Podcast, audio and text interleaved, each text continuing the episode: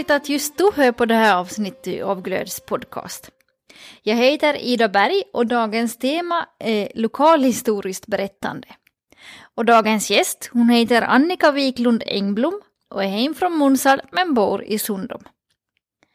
Hon arbetar som projektledare på Folkhälsan på ett projekt som heter Naturkraft. Och där så arbetar hon med lokalhistoriskt berättande, så hon ska få berätta lite mer om henne. Varsågod, Annika.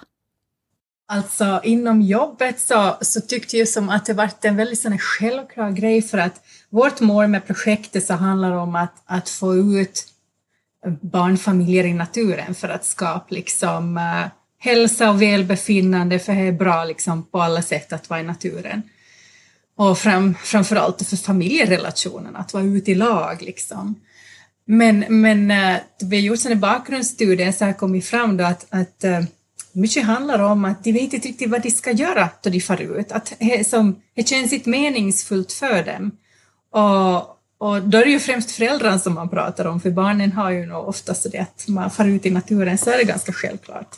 Nåja, det ena det ändrar ju om en barn som aldrig har varit i naturen förstås. Men i alla fall, det ledde till att vi började som fundera med mycket på det här att skapa material för att ta ut människor i naturen då, som, som inspirerar helt enkelt. Och, och då var det ju det här med, med sagoberättande eh, som en spännande grej, men också om det här med att att eh, vart ska man få och vad finns för berättelser därifrån förr? För det var inte bara det här vad ska de göra, hur, och vart ska de fara i närheten, i närmiljön? Och, och då, då var kopplingen ganska som så det rakt i att ja, men, men vad finns det för berättelser och hur kan man som på det viset form tempo och vis så att så att eh, barnfamiljer känner att det ger dem det inspiration att fara vara aktiv själv i naturen. Så jag kan ge ett exempel. Vi hade, eh, jag skulle dra som och berätta om naturkraft för, för den här idrottsledarlinjen på Norrvalla och då tog jag som med mig som designprocess som fanns som, eh, kring hur, hur vi som försöker skapa aktiviteter. Då. Och då sökte jag vad finns det för lokalhistoriska berättelser i Vörå? Och där hade kommunen faktiskt hade en tävling då att samla in olika berättelser så att folk under förra årets coronasommar kunna få ut och besöka allt från äh, häxbränningsplatser till spritsmuggling till allt möjligt. Och, och, där hittade jag då Trollberget och det låter ju som sådär, det här är ju familjevänligt, kanske mer familjevänligt än det med häxbränning och spritsmuggling. Så, så då äh, läste jag om hade legenden som fanns där med det Trollberget och, och så utmanade jag den Norrvalla-eleverna att, att vara med i en designprocess då, att skapa de aktiviteterna som på något vis kopplar till hade legenden om Lisa som blev fast i Trollberget. Då. Så, så här finns som på Instagram då med sex olika inlägg, så här är ett sätt så om man googlar på eller kollar på Instagram med hashtag Lisa och Trollberget så då hittar man den där övningen. Och då vi börjar skåda sen så det finns ju i princip Trollberg i alla orter så, så man kan ju återanvända den legenden var man än är liksom. Om man har ett berg så kan man ju berätta han det sagon då, eller legenden åt barnen och, och, så, och så leker man lekar utgående från det. Då. Så här är ett exempel på hur, hur jag har använt det här lokalhistoriska berättandet då i jobbet. Mm. Men jag tänker, när, när blir det lokal historia? Nu, det här exemplen du nämner nu så låter ju som att det var väldigt länge sedan. Men kan det också vara, eller när, när räknas det liksom in under historia? Kan det vara något som hände förra veckan eller måste jag gå i några år? Ja, alltså äh, jag är inte en historiker. Jag, jag skulle snarare kalla mig som äh, forskare och upplevelsedesigner. Och då tänker jag som att äh, jag är pedagog egentligen och utvecklingspsykolog som till utbildningen, men jag tänker att redan eh, att locka att komma ut och få något meningsfullt liksom koppling till den naturen och platsen så, så handlar ju om att hitta sin egen berättelse kopplat till platsen. Så här vi försöker som få in och genom, vi jobbar jättemycket som med sociala medier, att, att få människor att själv dela med sig av, av sina upplevelser kring sina natur utflykter och, och som sådana. Och så försöker vi skapa olika utmaningar och, och så. Det är inte alltid jättelätt att få, få det här igång och sånt, men, men vi försöker med olika metoder och, och vi har, äh, jag är med i då Folkhälsans lokalförening Sorvasundom till exempel. Och där har, vi fyller 100 år som hela folkhälsan gör nu. Vi, vi fyllde nu i 16 mars, men vår lokalförening fyller 12 i 12. Och eh, till här så, så har vi lite planer på, vi har sökt pengar för att få anställda för att samla in lokalhistoriska berättelser som skulle handla om just det här mera människornas historia. Inte så mycket kanske liksom är det, är det offentliga historien utan mig som någon som berättar om hur lekte de förr i världen gör i det här liksom backan eller, eller vem var till denan då och Jona Bus eller, eller vad finns det för spökhistorier eller nästan det, lite som sådär Äh, vad ska man säga, lite lockande berättelser som är människonära, som också som inspirerar just familjer och, och allihop egentligen att komma ut och, och genom den berättelserna kunna som, som äh, möta sig själv i handeplatsen och vad vill jag leka eller vad har jag för bushistoria att kunna dela med mig och sådär. Så vi får se hur vi får till det, liksom, det här både digitalt och analogt och, och, och, att skapa någon form av upplevelsevandringar genom byarna. Gör då. Hur tror du det kommer att se ut då det var färdigt? Jag hoppas det ska vara, vara som väldigt användbart för vem som helst och att man ska kunna få det som lättillgängligt. Vi tänkte vi ska prova att sätta upp det till exempel via Google Maps, att man kan lägga som sådana lättillgängliga kartor med vandringsrutter eh, liksom, i byarna med, med olika lager av, av berättelser, som om man tänker att ett lager kan vara var, var finns spökhistorierna i Sundomby till exempel, eller var, var finns lekplatserna i, i Sorvby eller något sånt. Där. Vi får se, men, men jag tänker att det skulle som vara spännande till, till att se som hur det funkar och hur människor tar det till sig och blir det använd. Vi har inom folkhälsan på gång eh, flera olika sådana tester med olika appar, men oftast så är det ju som dyr att de har samt sådana kostnader för licenser och så. En lokalförening har ju inte så mycket pengar. Plus att då ska ju alltid någon ladda ner en app på telefonen och, och så kanske är ett steg då, en tröskel som man inte kommer över. Så på olika sätt göra det lättillgängligt är nog, är nog målet och, och min förhoppning. Och att vi får väcka mycket tankar kring byarnas och, och liksom människorna i byarna, att de får den där kopplingen. Det finns ju många nyinflyttade i, i våra byar här i och Sundom, så, så att på det sättet så tror jag det är viktigt att, att man, man på något vis möter det som lagren av berättelserna av vad som har varit förr och, och kan som på det sättet och se att ja, men att, att vad händer nu då? För det var ju den spegeln på ett sätt att många gånger ser man inte, som de brukar säga, grodan vet inte och dammen som hon är för hon har aldrig varit ute därifrån. Men man måste som stiga ur dammen för att möta att ja, men nu ser jag vem jag var. Och, och genom att möta berättelser då från andra tider och andra perspektiv så, så, det här, så då får man ju en spegel mot sig själv. Men till som är nyinflyttad till exempel, eller som inte har samma lokal koppling som eh, kanske många som bor på ett ställe, kan titta till sig eh, lokalhistoria på, på samma sätt, tror du? Eller? Jag tror kanske att det är ännu viktigare för dem, för att eh, då du flyttar någonstans så behöver du ju rot det att det är ju ett sätt till, till det här eh, lära sig förstå vad, vad som att det inte är bara ytan av där du är utan att det finns som rötter och människor som har varit här och, och, och jag tycker och hoppas att allihop som är intresserade av sin bygd och, vad historia är, för genom historien så förstår vi ju som sagt dagens värld på ett annat sätt.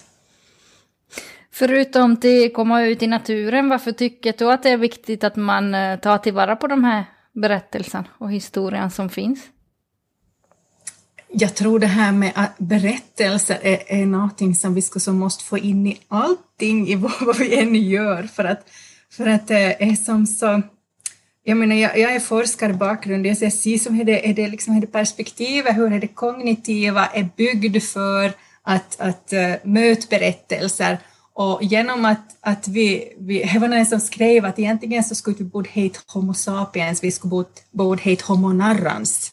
Alltså att vi, vi, vår hjärna är designad för att förstå berättelser, inte för att förstå fakta som presenteras liksom så det rakt upp och ner bara, utan vi behöver han det, han det berättelsen just för att det kopplar till det emotionella i oss själva, för då, då kan vi som förstå, vi kan refer, eh, liksom bygga vår egen, egen referensram i förhållande till handelberättelsen. Och, och det här, just med naturen då, kopplingen till naturen som, som ju är som ett mål med vårt projekt då, att, att skapa det här Uh, naturidentiteten helt enkelt, naturkontakten, naturrelationen, så att människor ska växa upp och förstå att naturen är viktig för dem och att de vill skydda naturen och att naturen skapar hälsa åt dem.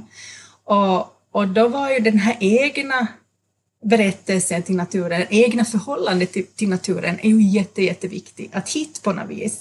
Så jag brukar som ha att jag har grupper i naturen att skicka runt en sån här berättarstav och, och ha dem som att, att att berätta en egen historia som de kommer ihåg.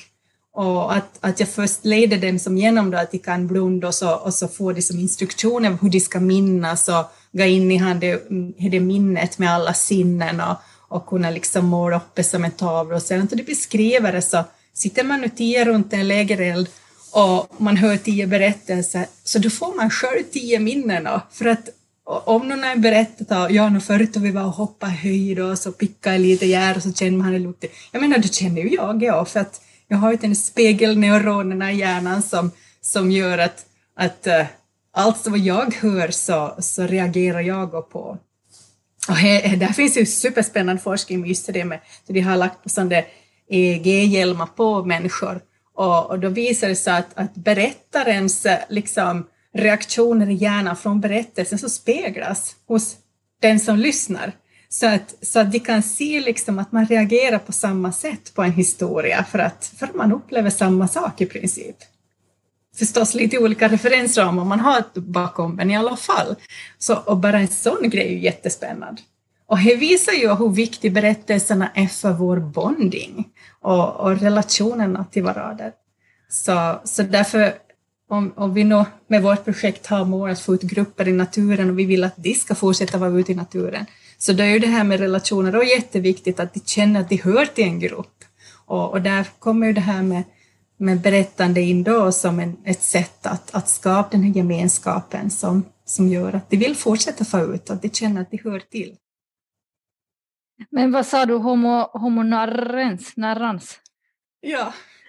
Berättande människa? Eller? Mm. Mm. mm. Ja, bara så, jag tänkte bara, det är inte säkert att man också var Homo narrans, ja, istället för Homo sapiens. Men lokalhistoriska berättelser är ju, ja, är ju, var ju som lokalt. Det handlar ju om, om en plats som är, är lokal. Eh, men kan man, kan man göra en lokal berättelse global? Eller så att det tilltalar en större publik på något sätt? Jo, det tror jag absolut. Och det var ju ett sätt då som Eh, till marknadsför sig själv som byggd på ett sätt. Då. Och nu tänker jag speciellt med det här lokal, eh, vad ska jag säga, lite mera lokal turism som vi har fått ha på grund av corona nu, då, så, så det är ju bra att till kunna som sprida och upptäcka närmiljön helt enkelt. Men, men absolut eh, globalt, jo, alla det finns ju något som heter monomyten, att, att de flesta historier är byggda på samma sätt och att det finns vad är det, sju olika grundhistorier i världen.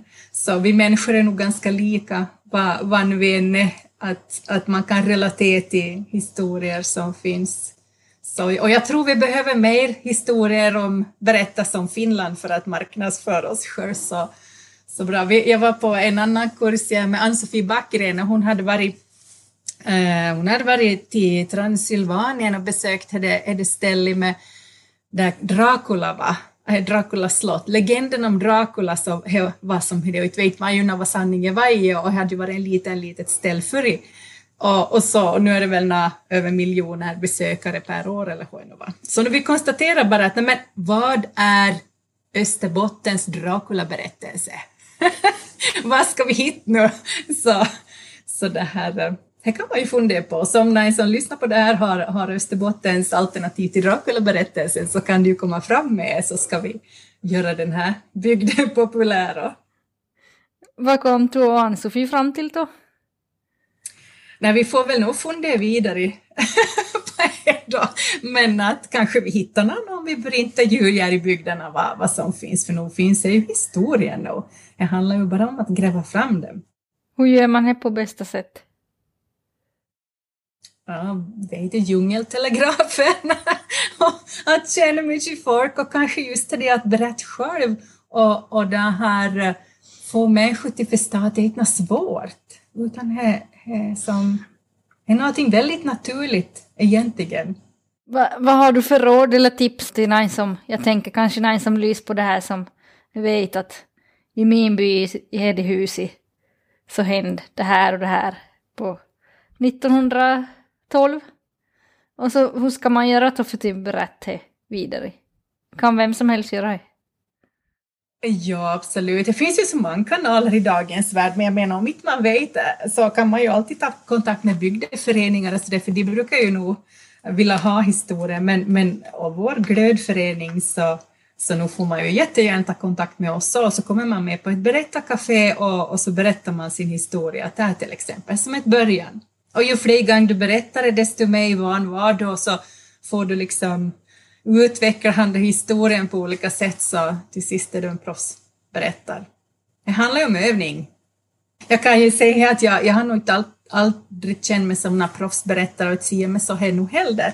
Men, men jag var ju med på en sån här berättarretreat med, med Lina Teiro och Ann-Louise Bertell och efter det så liksom så var det som när jag låsa att men vi fick ju som verktyg hur man skulle göra och det var som inte alls svårt och de som kommer igång så så det här, eh, då flödar det och så märker man hur roligt det är.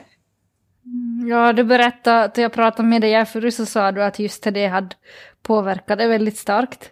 Va, kan du försöka förklara lite mer vad var det som var så, så starkt för dig?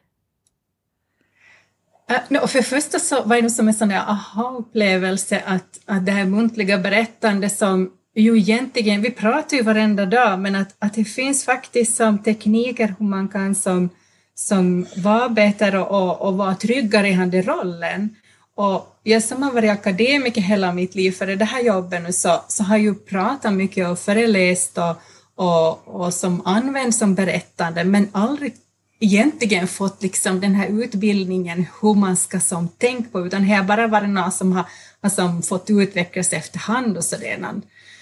Så jag tänker att jag tycker det är något som måste tas in i skolorna från, från småbarns liksom, åldern. Så att uh, det skulle vara en naturlig grej för allihop. Jag har varit som utbyteselev i USA till jag var tonåring och, och, och där hade ju sån där debating class och det, där de lärt sig som processerna, hur de ska lägga upp då de debatterar och, och som sådär. Och jag var ju jätteimponerad om jag skulle aldrig då ha vågat få med på en sån grej för jag tyckte att det var, det var väldigt skrämmande.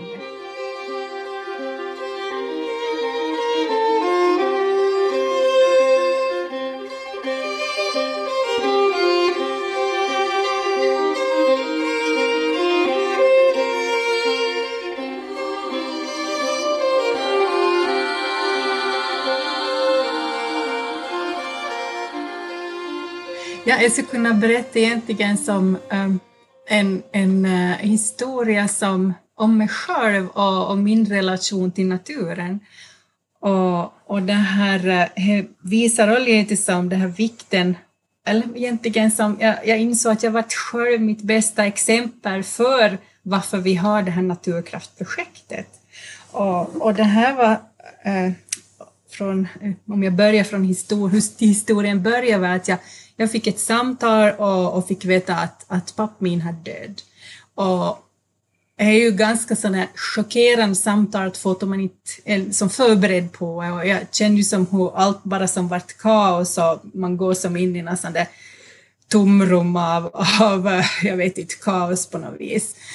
Och då så drog jag på mig jackan och, och skon och så gick jag ut i naturen och, och, jag gick riktigt långsamt i flera timmar, jag tror jag var bort i, i fyra, fem timmar eller dag. och bara gick som och, och vajade som mitt inre kaos.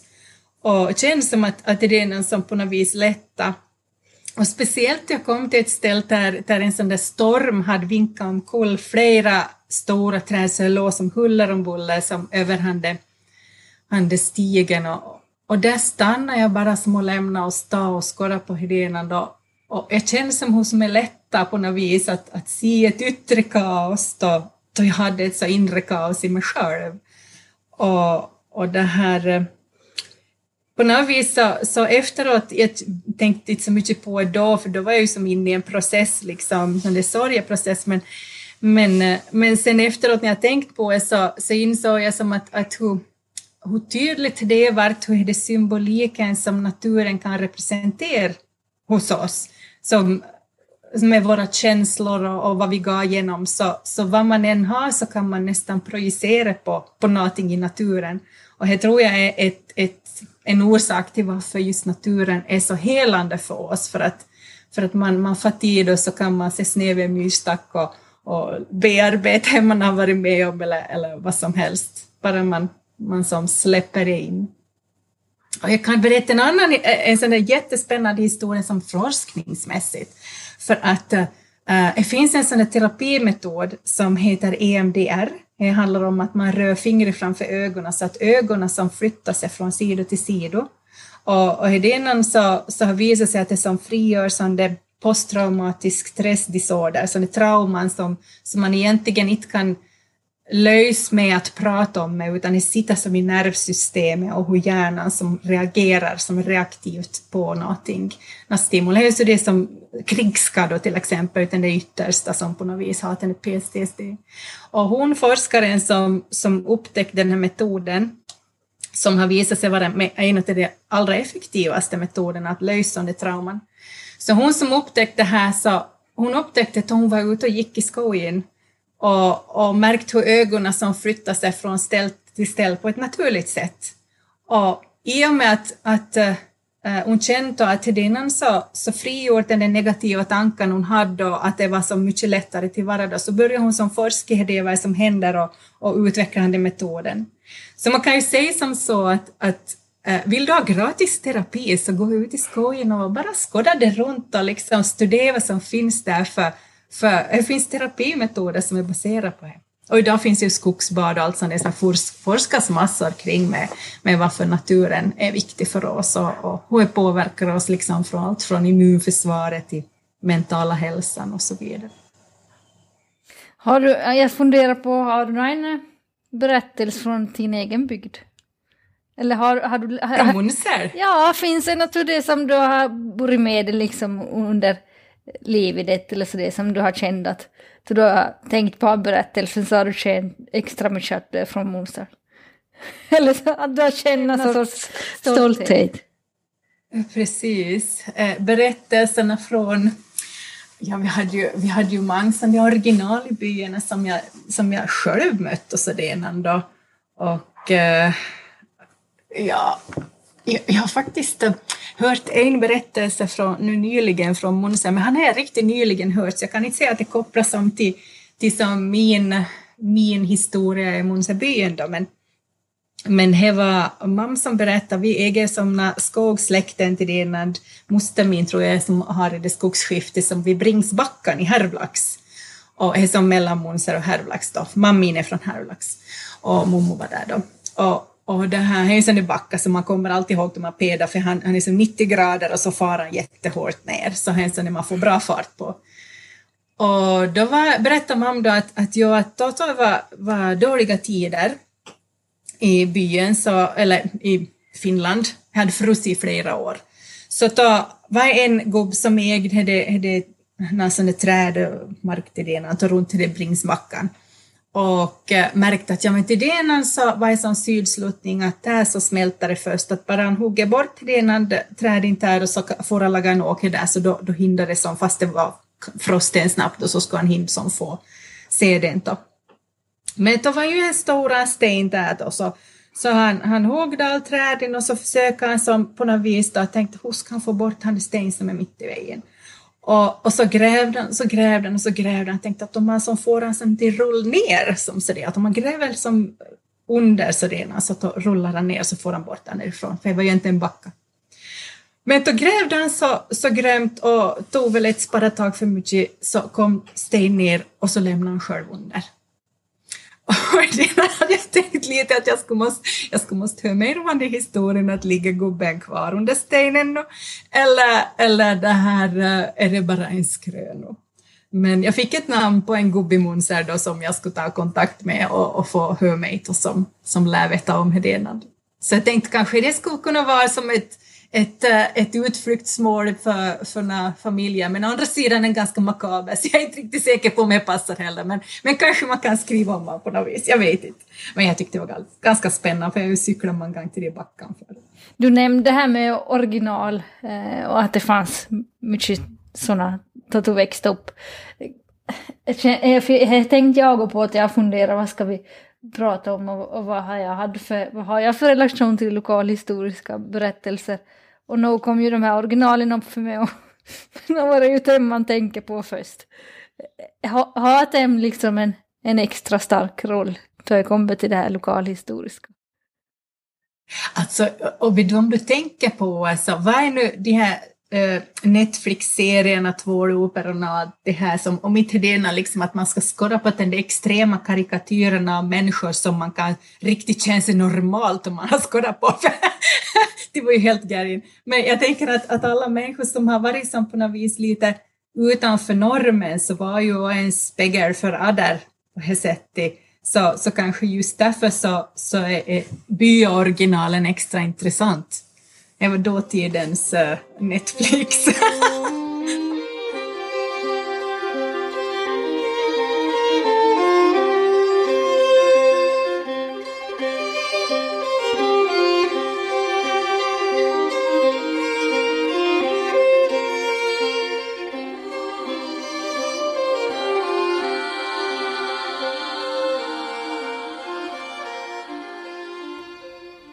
var allt vi hade till bjud på för den här gången, men vi hörs igen i juni. Om du har några tankar kring det du har hört eller om du har förslag på innehåll eller gäster som du skulle vilja ha med i den här podden så kan du skicka ett mejl till berattarglod.gmail.com. Jag heter Ida Berg, producenten heter Jenny Holm, hon som har gjort musiken heter Jessica Ripa och hon som har gjort layouten heter Ulrika Öhman. Och stort tack till Svenska kulturfonden och Svenska folkskolans vänner som gör den här podden möjlig. Tack och hej!